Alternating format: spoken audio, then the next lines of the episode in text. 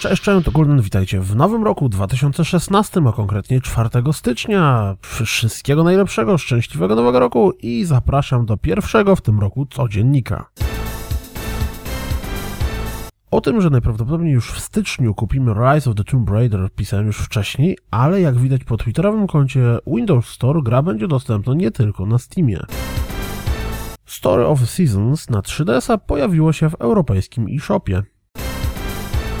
Jak wynika z życzeń noworocznych na blogu Square Enix, Final Fantasy XV będzie miało premierę już w tym roku. Jej!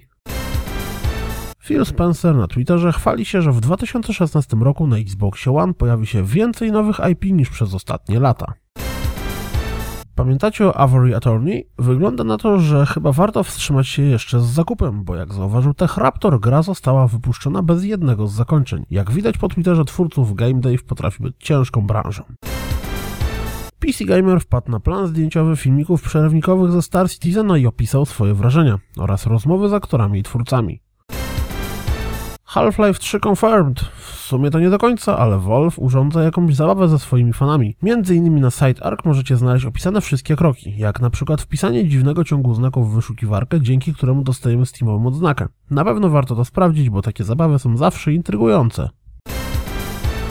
Wszystkim fanom staroszkolnych RPGów sugeruję zapoznanie się z wywiadem z Chrisem Avalonem, którego na bank kojarzycie np. z Kotora czy Pillars of Eternity.